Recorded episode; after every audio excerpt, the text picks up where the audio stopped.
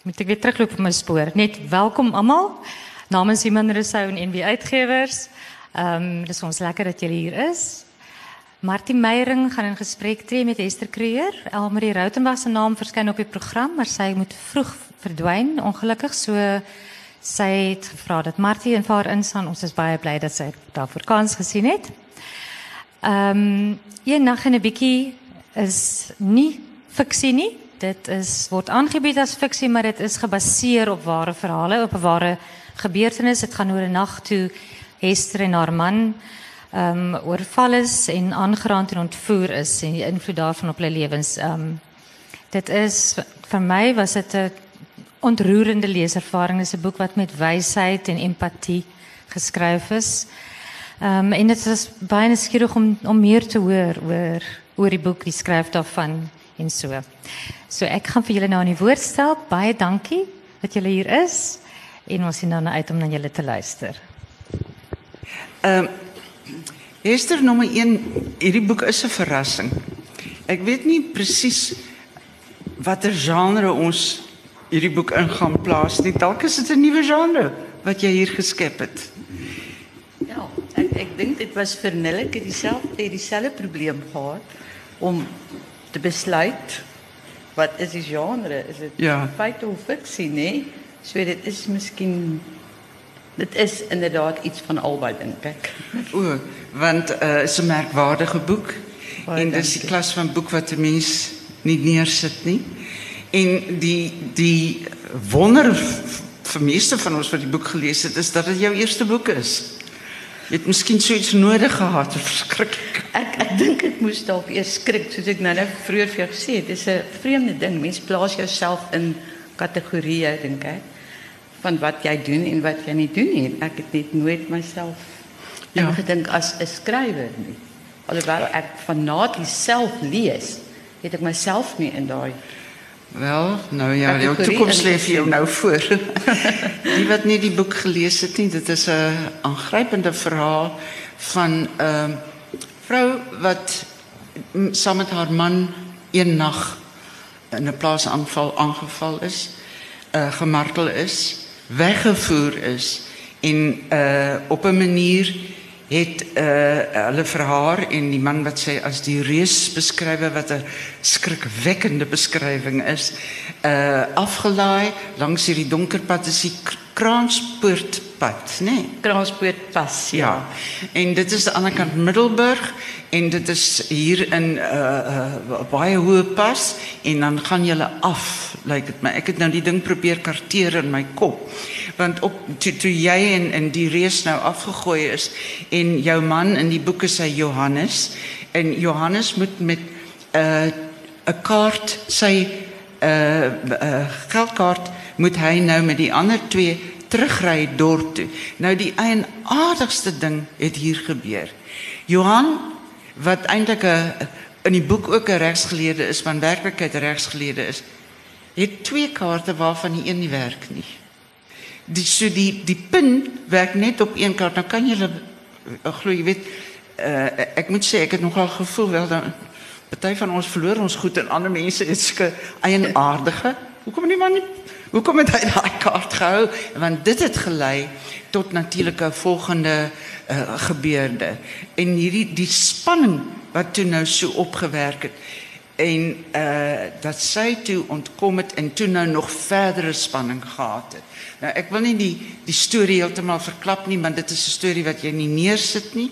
Is absolute uh merkwaardige vertelling van iemand wat so iets beleef het en 5 jaar later begin skryf het daaroor. Wel seker tussen in darm Hester het jy. Nee, ek het snaaks genoeg nie. Is dit? Nee.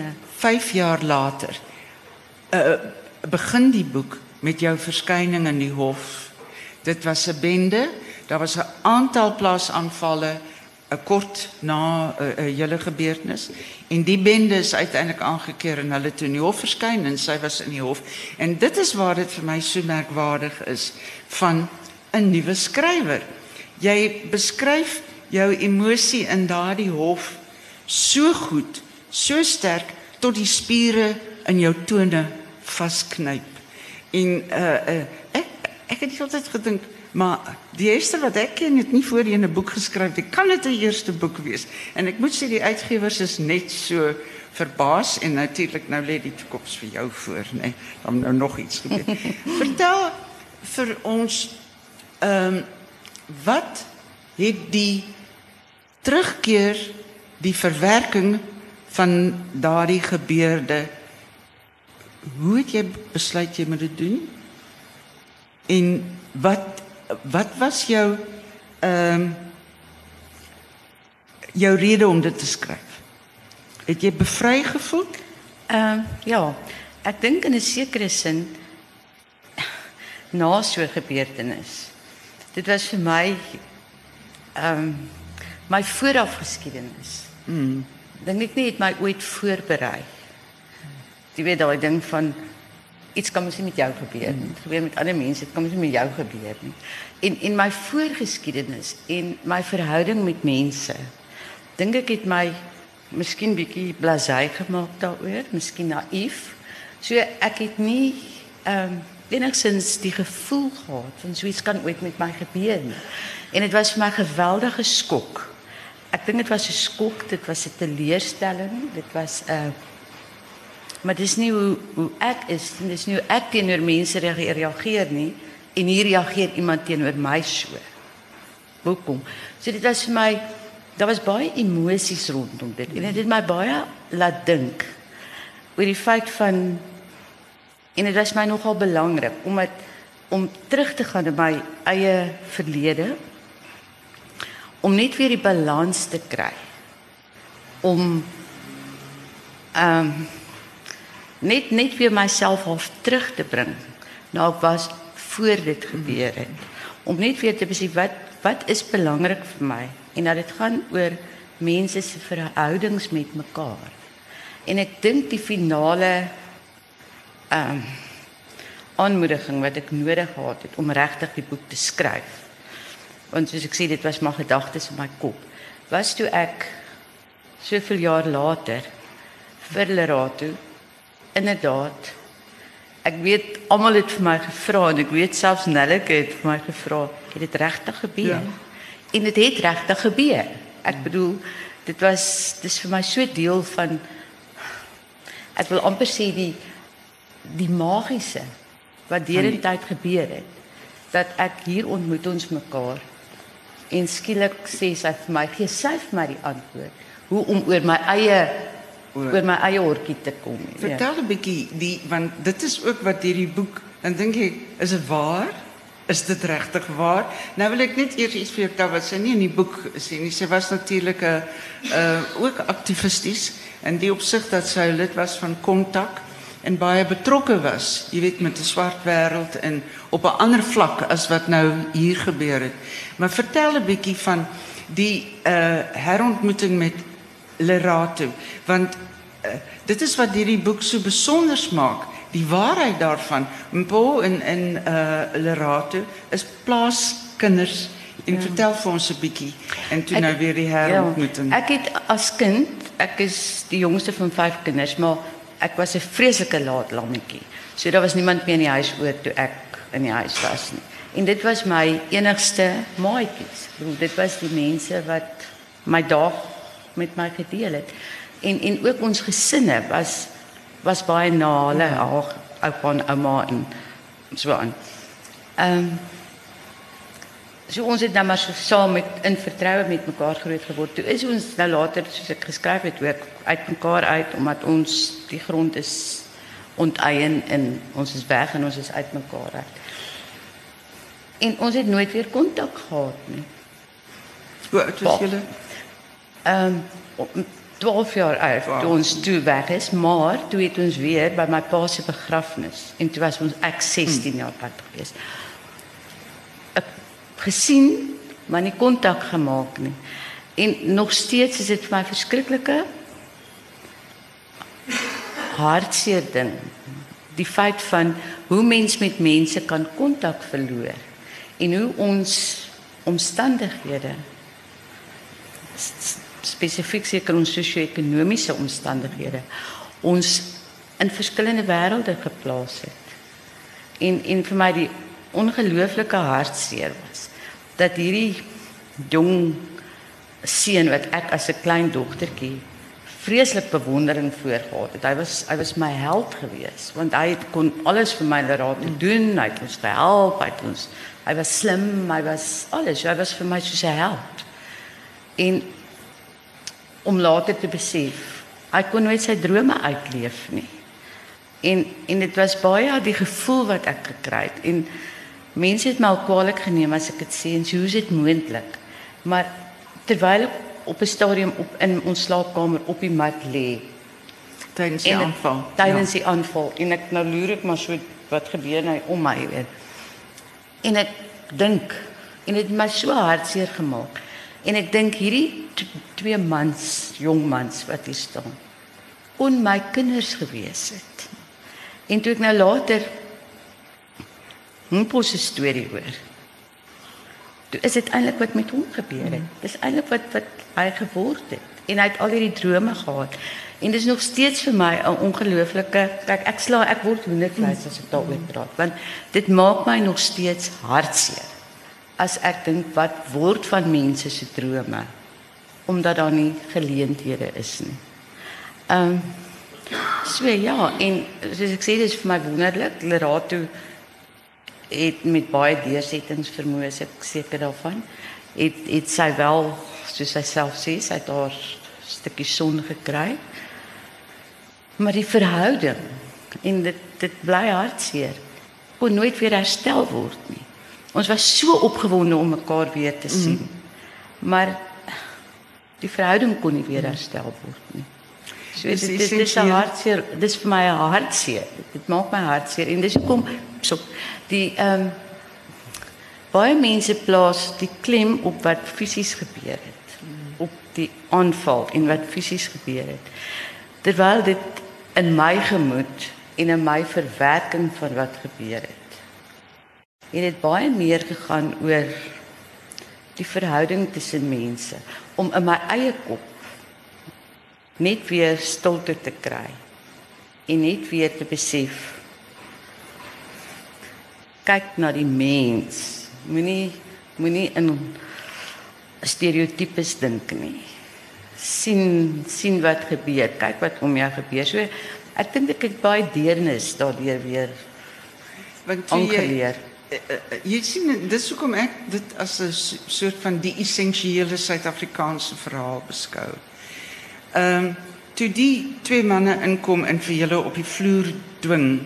Toe kyk jy op, toe sien jy dis 'n baie aantreklike jong man Ja, en jy dit inderdaad. kon jou kind gewees het en ehm hy het later uh het hy ook in jou vertelling het hy het jy hom amper 'n jy het hom 'n baie simpatieke uh lig gegee. Ja, Hoewel dit- hy ja vir julle so Ja, dit dit is so want ek soos ek sê, ek het onmiddellik en en iets snaaks het ek het dit al ek weet nie, ek kan dit nie beskryf nie, maar ek het die gevoel gekry van iets in daai nag terwyl ek met hierdie twee wat ek later besef het broers was. Mm. In die kamer was en ek het die gef- vreeslike die hartseer my ek wil ek wil- moenie dink ek was nie verskriklik kwaad nie. Ek ek is 'n gebore duplisie en ons is baie hiermeerig. Ehm um, so was ek was toe kwaad? ek was ek was met tye ongelooflik kwaad. Hmm.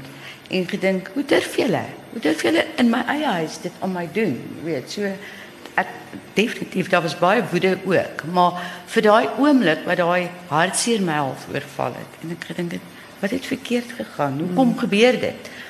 Ehm Ek weet nie, ek dink dat ek weet nie of dit moontlik is nie, maar 'n soort van empatie amper. Mm. Het het wel uitgegaan.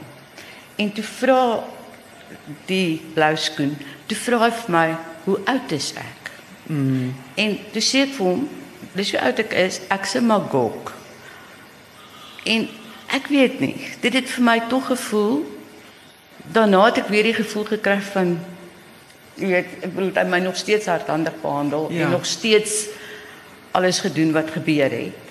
So dit was dis dis 'n dit was baie ehm um, daar was baie teenstellendhede in wat daai nag gebeur het tussen tussen ons en die rowers. Ook Ja. later tussen Johan en die rowers. Ja. Ehm um, is baie teenstellende dit goed wat gebeur het. Ja, die rowers het met Johanni herwaarts en derwaarts gery en jy het nie geweet waar hy is nie en toe hulle hom erns het hulle hom afgegooi. Ek sou nie die hele storie vertel nie want ek is seker die wat nie die boek gelees het nie sal en moet dit eintlik lees want soos ek sê dit het so geweldige Suid-Afrikaanse karakter daaraan. En jou toe jy nou deur toe hulle vir jou in die um, lelike man die reus uh, uh toe hulle vir julle afgooi. Heel eerste lê jy wel Johannes ook eers afgegooi en toe uh, uh, weer alles verskriklik besig geweest daai nag Ja, nee, hulle was inderdaad. toe het, het jy en Johan styf te mekaar gelê en uh, jy het nog vir hom gefluister kom ons maak 'n breek of iets in toe. Ja, ek het ek het gelê en dink, weet. En ek het in my kop die som probeer maak van hoe vinnig kan 'n mens en hoe sterk is ek dan nog dat ek hoe vinnig kan jy op vanuit jy van jou rug af regop sit en 'n ou se bene onder hom uittrek, jy weet. Ek het dit so gelê en en uitwerk. Maar genadiglik vir Johan. hy ehm um, hy hou my gewoonlik bietjie bietjie bietjie bedaard. so ja. Toe toe gebeur die toe's jy en die reus nou alleen gelaat en toe hulle nou nie terugkom nie. Toe het die man natuurlik kwaad geword want hy toe uh, geglo dat hy nou eintlik uitverkoop is. Mm. En die manier wat jy ontvlug het in in Hester ek uh, ek het dit nou hier so aangeteken die jou stap deur daai rivier. Ehm um, Ag nou, dis nou weer 'n nuwe boek. Ehm um, dit is 'n ongelukkig daai oomblik. Ek wil net gou vir julle voorlees. Jy hoef nie nou voor jy gaan ek gaan net net vir hom iets voorlees. Toe sy nou dink sy gaan hierdie ouens platduik. Toe sê Johan, "Lees stil," kom sy dringende fluisterstem terug. Anders kom hier vannag 'n fok op. en toe ehm uh, waar is daai uh toe jy nou weg, toe jy vlug. Die ander boek. Toe jy we, wegkom was dit is my 'n ongelooflike beskrywing. Hoe jy nou is jy sonder skoene en jou uh uh, uh hemp is al deur week of al so uh, uh vervlenterd en jy beland in hierdie stroompie. En Hester, ek dink dit was pragtig geskryf. Ja. Hoe jy met jou kaal voete op daai klippe heen en weer in die donker en dis net sterlig. En dan vertel 'n bietjie daarvan toe jy ook so in die die lemuur het jy gesien uh wildsbokke. Ja, en, uh, uh vier vliegies. Ja, weet jy dit is dis hoekom ek sê, ehm um, ek ek daar's nie 'n manier hoe ek aan die gebeure kan terugdink as net 'n negatiewe ervaring. Dit was 'n verskriklike ja, ervaring ja, en ek ja. maar my woorde die volgende oggend hoor toe vir Johan sien was, weet jy, dit was die verskriklikste nag van my lewe.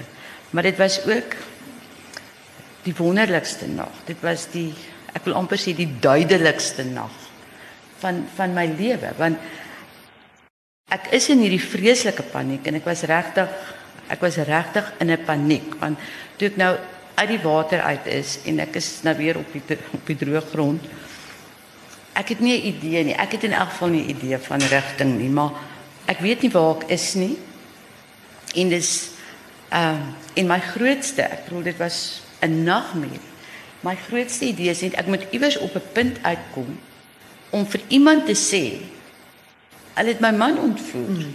Ek is nou hier, maar ek moet nou iemand moet hom nou gaan soek. So ek het hierdie paniek oor my en ek weet nie waar is hierdie rower nie. Ek weet nie sit hy iewers in hierdie donker mm. nag met sy gewapen en wag hy nou net vir my om my verskyning te maak nie. So aan die een kant voel ek ek moet net hier doodstil in die donker bly sit waar ek veilig voel, maar terselfdertyd het ek hierdie gevoel van beweeg net, gaan soek iemand om vir jou hand te soek. En skielik hoor ek, ek wil jy ek moet dit vertel. Ja, ja. Skielik hoor ek hierdie geritsel. Maar soos ek sê, ek was regtig baie paniekerig op daai stadium. En ek hoor hierdie geritsel en ek dink, okay. Nou staal ek myself en sê ek, hoe voel dit as iemand jou skiet? Hoe, hoe voel dit? Mens moet dan nie vas idee nie. Hoe voel dit? En ek staal myself en ek dink, goed. Dis nou wat gaan gebeur so. Maar terselfdertyd gaan sit ek, dit was Januarie maand, ons 'n goeie reënjaar gehad. So die gras in die veld is mm. nou lekker hoog. Nou gaan sit ek plat op die plat in die gras met die hoop hy sien my nou glad nie raak nie. Maar terwyl ek so sit, hou hou hierdie geritsel aan en ek weet ek snap nou, kyk net maar oral rond. En skielik besef ek, maar dis bokke sien ek net hierdie silhouette. En dis bokke wat letterlik soos 'n laar om my is. En dis 'n ongelooflike gerusstelling. Dit is ek is baie gemaklik as ek buite is. Mm. En dit was net vir my 'n ongelooflike gerusstelling. En terwyl ek sit, raak ek bewus van skielik. Dit ek bedoel dit was die hele tyd daar maar ek het dit nie gesien nie, maar skielik raak ek bewus van wat was dit so sterretjies hier. En besef dis gloeiwurms, glimwurmpies wat op hier wanneer se nou vleierig hier langs die rivier wat hier is. En ek sien hierdie dis alles dis nou nie donker, dis nou net 'n sterrelig, maar ek sien ook hier staan hierdie lelies. En weet dit is die, een van die helderste oomblikke wat ek seker ooit in my lewe beleef het en ook laat sal kan beleef. Ek dink nie ehm dit was net ongelooflik. En ek het net daar opgestaan en vir my 'n lelie gaan pluk. Mm. En besluit, goed, hier gaan ek nou. Ek is nou nou so reg. Is nie alleen nie. Ek is die hele natuur het nou vir my verwys ek word beskerm. En ek ek, dink as dit nie daarvoor was nie, sou ek miskien nie deur die nag gekom het nie. Maar dit ja. was so 'n ongelooflike ervaring vir my. Ja. Dit is uh, is eintlik filmies as jy dit lees, ja. Ja. ja. ja. Ons het, ons gaan baie informeel wees as daar mense is wat tussenin vra wil vra, vra wat skielik opduik. Wees asseblief vry om om te vra. Ehm um, Ja, ja, hallo. Ja, ons ja, wil jy dit? Ehm um, Frans Johan, dit is twee maats wat saam met my skool as uh groot geword het op die plaas. En in my terugherinnering terwyl ek probeer het om die aanvanklik toe die eerste rower ingekom het en ek hom gesien staan het het ek skielik want dit, dit is regtig 'n mooi man en het ek skielik het hy my laat dink dit dit was 'n flits gedagte want ek bedoel oor baie jare het ek nie eens aan hulle ooit gedink nie en daai oomblik wat ek kom sien is dit vir my asof die naam in my kop geskiet het van I like soos Mpo, jy weet. En So in in my verwerking daarvan het daar vreeslik baie van my ou herinneringe aan aan hulle ja. teruggekom. En daar was hierdie ongelooflike herontmoeting met Lerato weer na soveel jare wat hoekom ek sê dit is jou essensiële Suid-Afrikaanse storie want dit is eintlik amper ongelooflik, né? Nee. Ehm um, ja, soos ek sê daardie beskrywing van die deur die rivier loop is is so aangrypend dat die leser self, jy weet, hou dit, jy sien dit. En dis al wat ek sê, dit is so filmies en ek sien dit nou nog as ek jy weet daaraan dink hoe jy uh, so swaar gekry dan sink jy onder in die water in om nie te sigbaar te wees nie want jy weet nie waar sit hierdie uh, reus nie. Uh toe jy nou na hierdie ehm uh, ervaring wil dit voorkom in die eerste instansie die boek word in derde persoon geskryf. En dit is wat dit nou nogal 'n baie interessante vertelling maak, want die leser word nie geflous nie. Die uh en en ek dink dit is ook 'n interessante skryfmanier om jou ervaring in die derde persoon te beskryf. Ja, ek dink dit het dit vir my makliker gemaak in die eerste plek gewoon stilisties. Ja. Is dit moeilik om die hele tyd te sê en toe doen ek dit of toe doen ek dat. Weet, dit is dit was vir my baie moeilike manier om om die storie te vertel, om te sê toe doen ek dit en dat. Maar terselfdertyd ook om dit in die derde persoon te vertel, dink ek het dit my meer objektief gemaak. Sodat ek die storie meer objektief kon kon vertel. Ja. Uh het jy dit lyk asof na uh hulle darm vir vir Janus gekry en in julle is dat daar dat jy 'n soort van 'n afstandigheid uh, gehad het. Dit kom in die vertelling voor. Jy uh het nou gehoor daar was ander bure wat ook aangeval is. Die kinders het gekom en dit was amper lastig geweest die baie mense rondom jou. Het jy berading toe gekry of wanneer op watter stadium? Het jy weet 'n paar maande later maar uh Weet jy, ja, ek ek het daarna nadat die boek nou seker al nadat ek al klaar was, het ek gedink ek sal eendag vir alle terapeute sê en vir alle beraders. Ek is verskriklik jammer oor wat ek gesê het en dat ek dit nie teen berading het nie. Ek dink net ek is 'n baie moeilike mens om te beraad. So, ek uh, Ek het aanvanklik ek het gegaan nadat almal my oortuig het en nadat Johan my daar afgelaai het, het ek nie keuse gehad nie en ek het gegaan.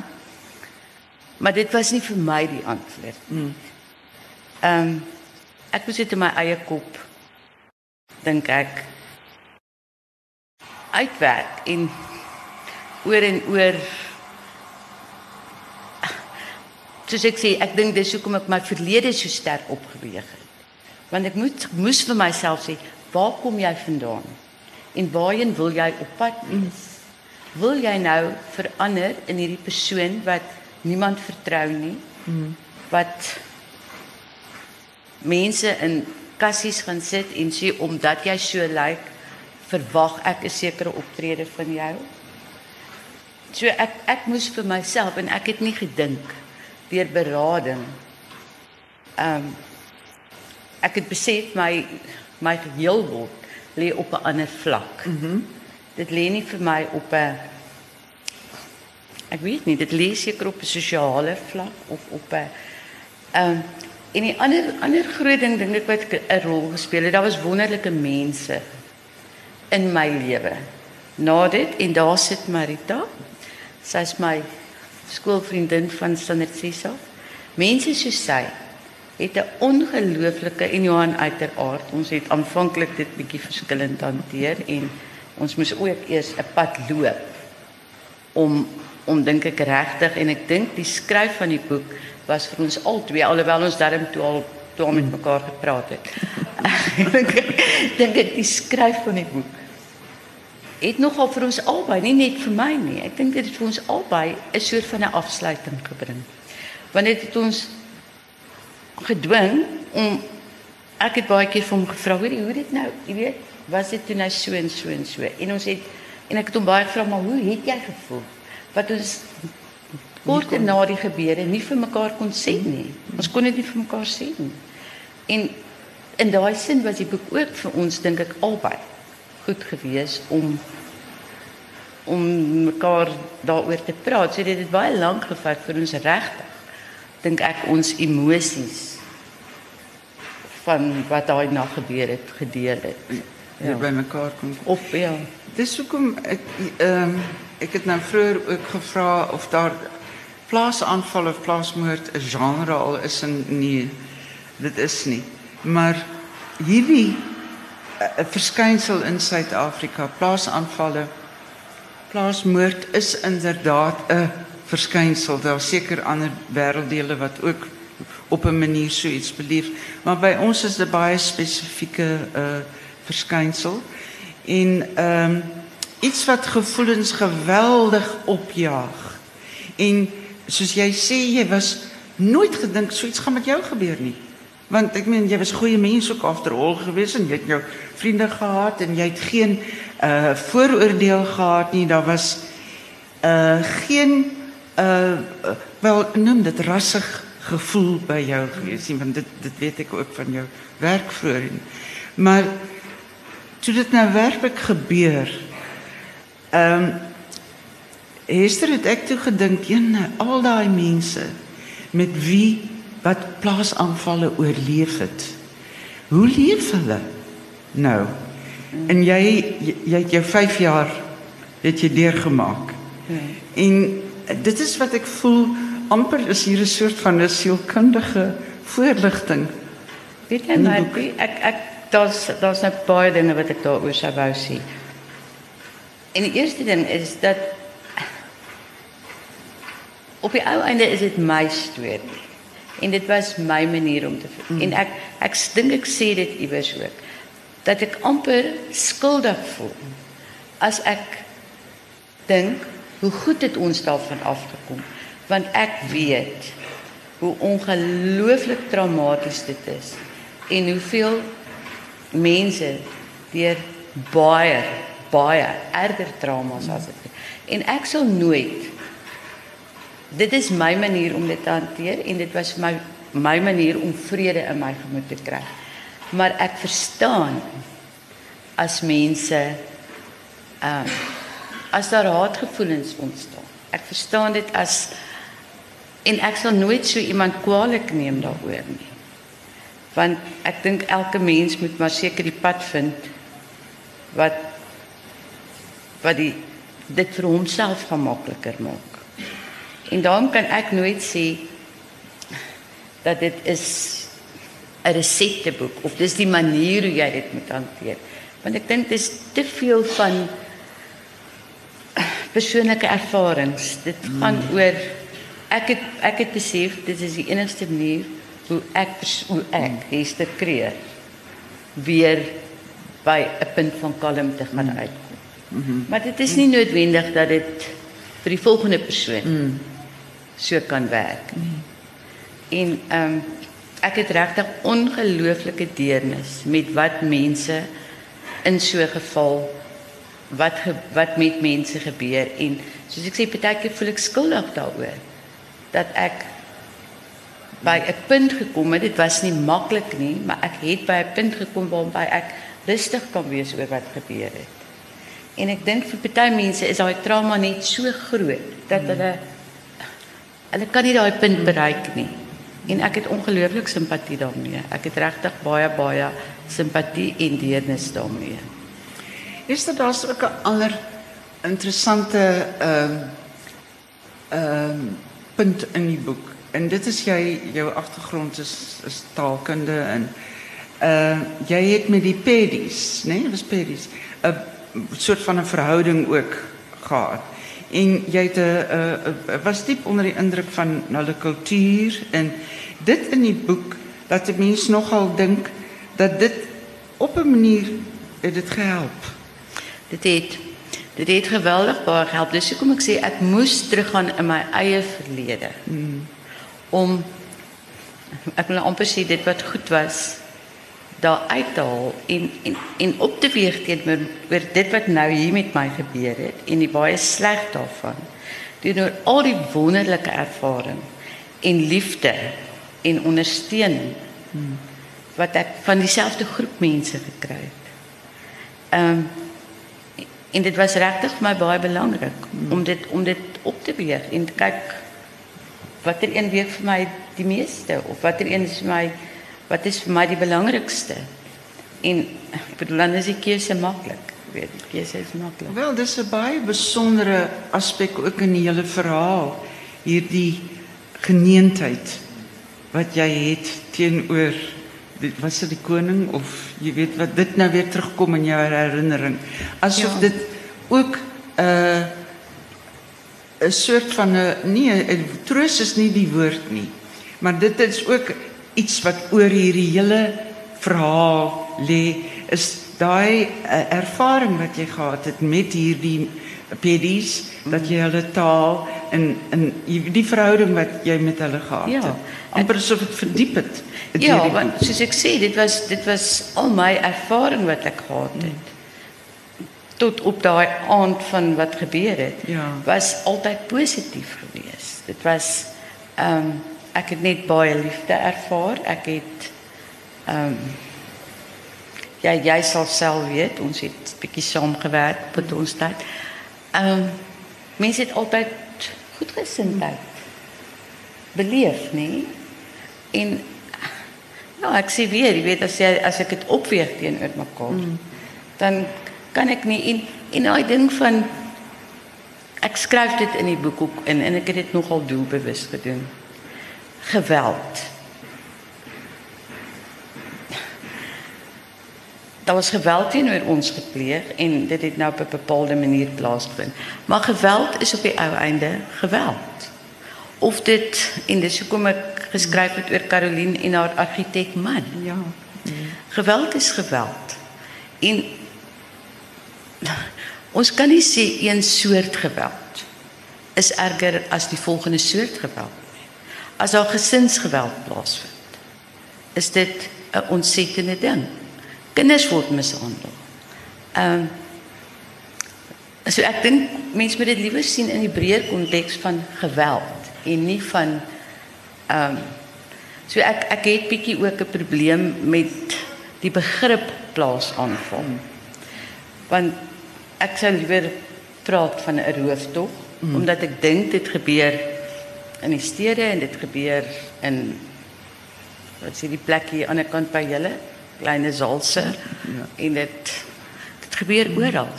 So ek dink ons ons fokus moet liewer wees op geweld in die algemeen as om dit te fokus en net 'n sekere groep mense uit te sonder en te sê dis die weerlose mense. Daar's baie weerlose mense wat elke dag met geweld te maak kry. Dis 'n baie interessante uh hoek om na hierdie verskynsel uh te kyk as soos jy sê geweld. Ja. En dink jy dit sal wel dis nou nie heeltemal in jou boek nie, maar jy wat nou self hierdie ervaring gehad het, dink jy dat ehm um, kyk plaaswoorde plaasaanval het al 'n politieke kleur gekry. Dink jy dit kan ontlont word deur byvoorbeeld jou jou uitspraak? Hierdie was geweld, dit was 'n rooftog. Jy hoef dit iets anders te noem nie. Ja. Ehm uh, ek persoonlik dink so, ek ek wil my glad nie op die terrein van politiek betree nie, maar persoonlik dink ek dat ons dit anders moet sien en anders moet hanteer. Wat ek wel sê en wat ek nou weet uit eie ervaring, as jy op 'n plaas is en so iets gebeur, is daar 'n paar dinge wat teen jou tel. Jy het nie 'n alarmknoppie wat jy kan druk en armed response kom onmiddellik nie. Jy het nie bure wat hoor, hoor jy hier langs aan in hierdie huis gaan daar nou 'n paar dinge aan. Miskien met ons ondersoek instel, miskien moet ons net bel en hoor is alles reg nie. Daar's tyd. Ek bedoel daar's nie 'n tydsbeperking op nie. Dit kan die hele ja. nag aanhou hierdie ja. rooftog ja. of geweld ja, of wat ook al. So op plase is daar spesifieke omstandighede wat anders is as in bewoonde gebiede. Mm, mm. En in daai sin is dit vir my sekerlik 'n spesifieke kategorie en dink ek daar daar daar moet spesifiek ook na gekyk word en dit is ook hoekom ek dink daar's baie ehm um, die mense in die omgewing het baie sterk sekuriteitsgroeperinge deesdae en ja. radio's en alles wat daarmee saamgaan mm. en ek dink dit is nodig. Ja. Ek dink dit is nodig en is noodsaaklik want dit is spesifieke omstandighede waarbinne so iets plaasvind. Mm. Maar ek dink nie ons moet dit polities gebruik nie.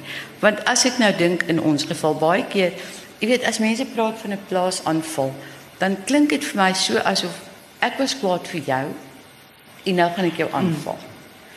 Terwyl in die meeste gevalle wat ek van weet, is die verhouding tussen in tussen die werkers en die boer of wie ook al is baie goeie verhoudings. En ek kan praat van almal in my omgewing. Is baie goeie verhoudings. Hierdie mense kom van ver ander plekke. Hulle kom met die doel om te roof. Hulle kom nie met die doel om te dink. Dis 'n boer wat ek nou gaan aanval nie. Hulle kom omdat hulle weet wat ek nou gesê het, dis afgesonder, daar's nie spesifieke sekuriteit nie, daar's nie 'n panic button wat jy kan druk nie. So dis 'n maklike rooftog. Dis 'n maklike rooftog om te doen. Mm. Mm. Maar ek dink nie die bedoeling is in die eerste plek om te sê Ja. Politie. dit is teen 'n spesifieke groep mense ja. Gemik nie. Dit dink ek nie. Is daar geen vrae hier nie? Uh ek wil graag vir Nelleke vra. Is jy hier Nelleke? Toe jy hierdie manuskrip gekry het, wat het jy gedink? Het jy gedink dit is hier is iets nuuts? Hier is ehm ja.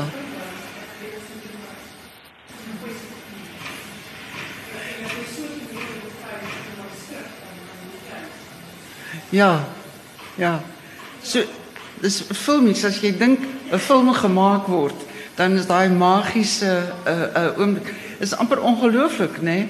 Om en en dat sy dit so goed beskryf het. Uh dit was my absoluut merkwaardige stuk. Ja, ja.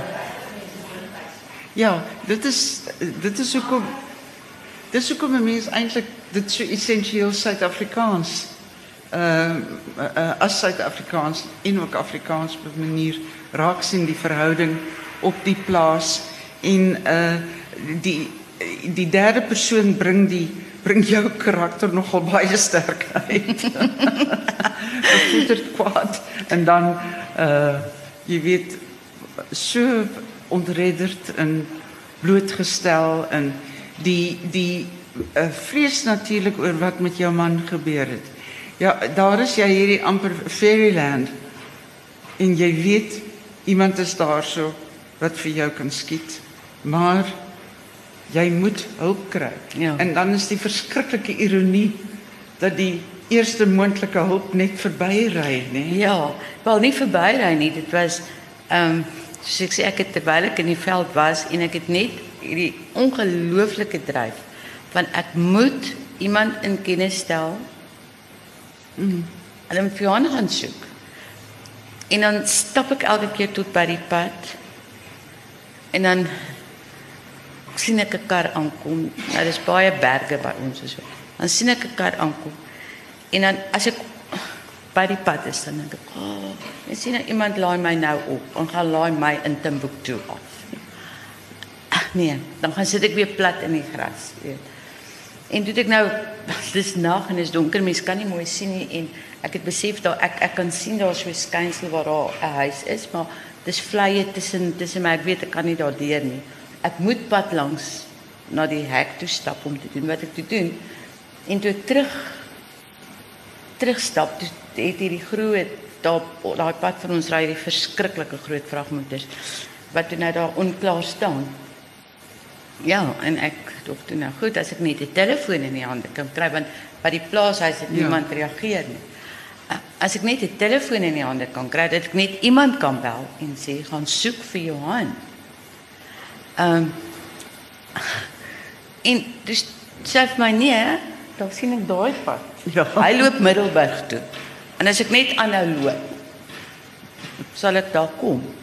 En en soos ek sê, jy het nou nou gesê ek het baie woede ervaar en miskien was dit my redding want ek was woedend. Ek gaan nie in hierdie openbaar sê wat ek alles in my kop gesê het nie. Die boek sê dit. Want ek was woedend. Ek het gedink, man, weet jy wat? Ek ek sal, ek sal Middelburg toe stap. Ehm en ek het begin stap. So ehm ja, nee, mense mense ervaar in die hele ding. Dit klink dis maklik om as jy dit klaar geskryf het en jy's kalm en jy's rustig daaroor. Is dit ehm dan klink dit dit was baie maklik en eenvoudig. En dis hoekom ek sê ek het ongelooflik deernis met mense wat deur die trauma van so iets moet werk, maar ook met mense wat deur baie ander traumas werk. Dit gaan nie net oor so iets nie, maar wat deur traumas moet werk want ek het skielik besef dis nie so eenvoudig nie. Weet ons gee maklik raad en sê ehm um, weet jy miskien moet jy nie dit en dit doen dan gaan jy beter voel. Dis nie so eenvoudig nie. Wel, soos uh Elmarie nou gewys het, die verskyn die vraag rondom Paul en Lerate in hierdie gee die boek 'n geweldige dimensie ook. Dit is ook jou Suid-Afrikaanse storie. Uh dat jy weer vir Lerate sou raakloop en ook sou verneem dat Paul sy lewe is te manameen. En uh dat jy Lerate wat self verander het, wat self ontwikkel het, meer bewus geword het. Sy het ook haar onskuld, julle onskuld as kinders het sy verloor.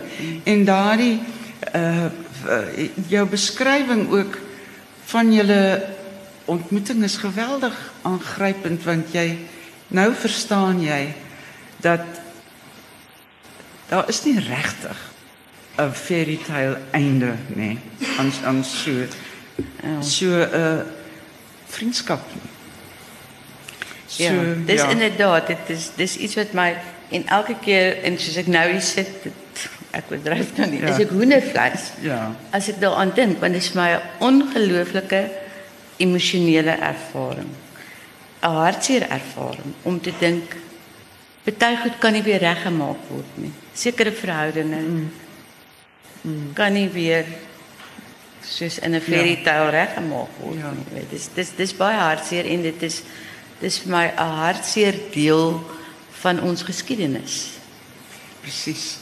Dit is presies ja. Ja.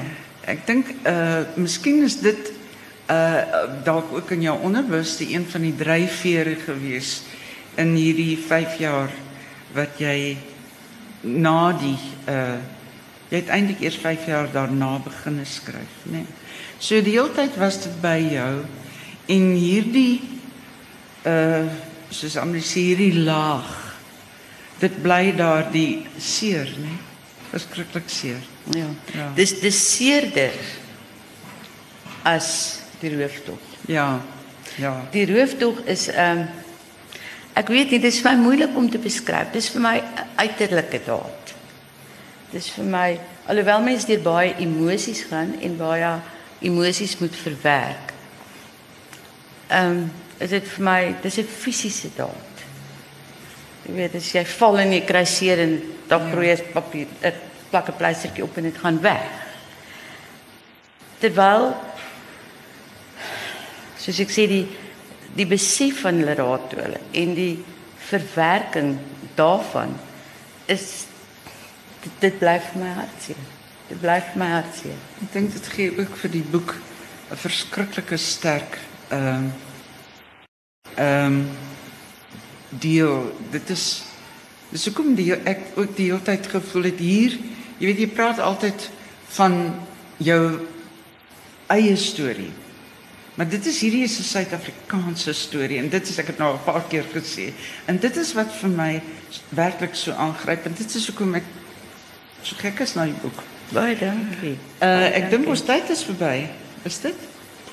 En dit is my baie groot voorreg dat dit Martie Meyering was. Ons paai het ons baie jare gelede het ons paai gekruis en ons het twee, een of twee sakke sout saam opgeëet. Ons het al twee pleegkinders gehad en ons ons moes daardeur werk.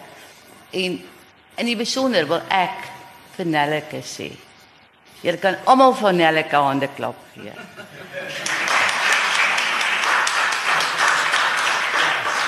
Want want in die eerste plek, soos ek sê, ek is nie 'n skrywer nie.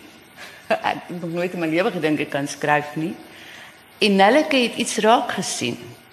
Ek het vir haar die storie gestuur. En sy het iets raak gesien en vir my gesê, "Hier's 'n storie." Ja, nee, volgens kant af nie. Ek het dit iemand het vir my gesê, "Dis die dis die vrou by iemand in Resou." Stuur dit vir haar. En ek het dit gedoen. Ek het dan nooit in my lewe eens die naam geken. Ehm en sy het dit raak gesien. So ek die hele tyd vir Nelleke sy verdien al die eer en ek is en ook die positiewe reaksie wat ek op die boek gekry het. Wil ek vir julle sê Nelleke het baie harde werk ingesit. So Nelleke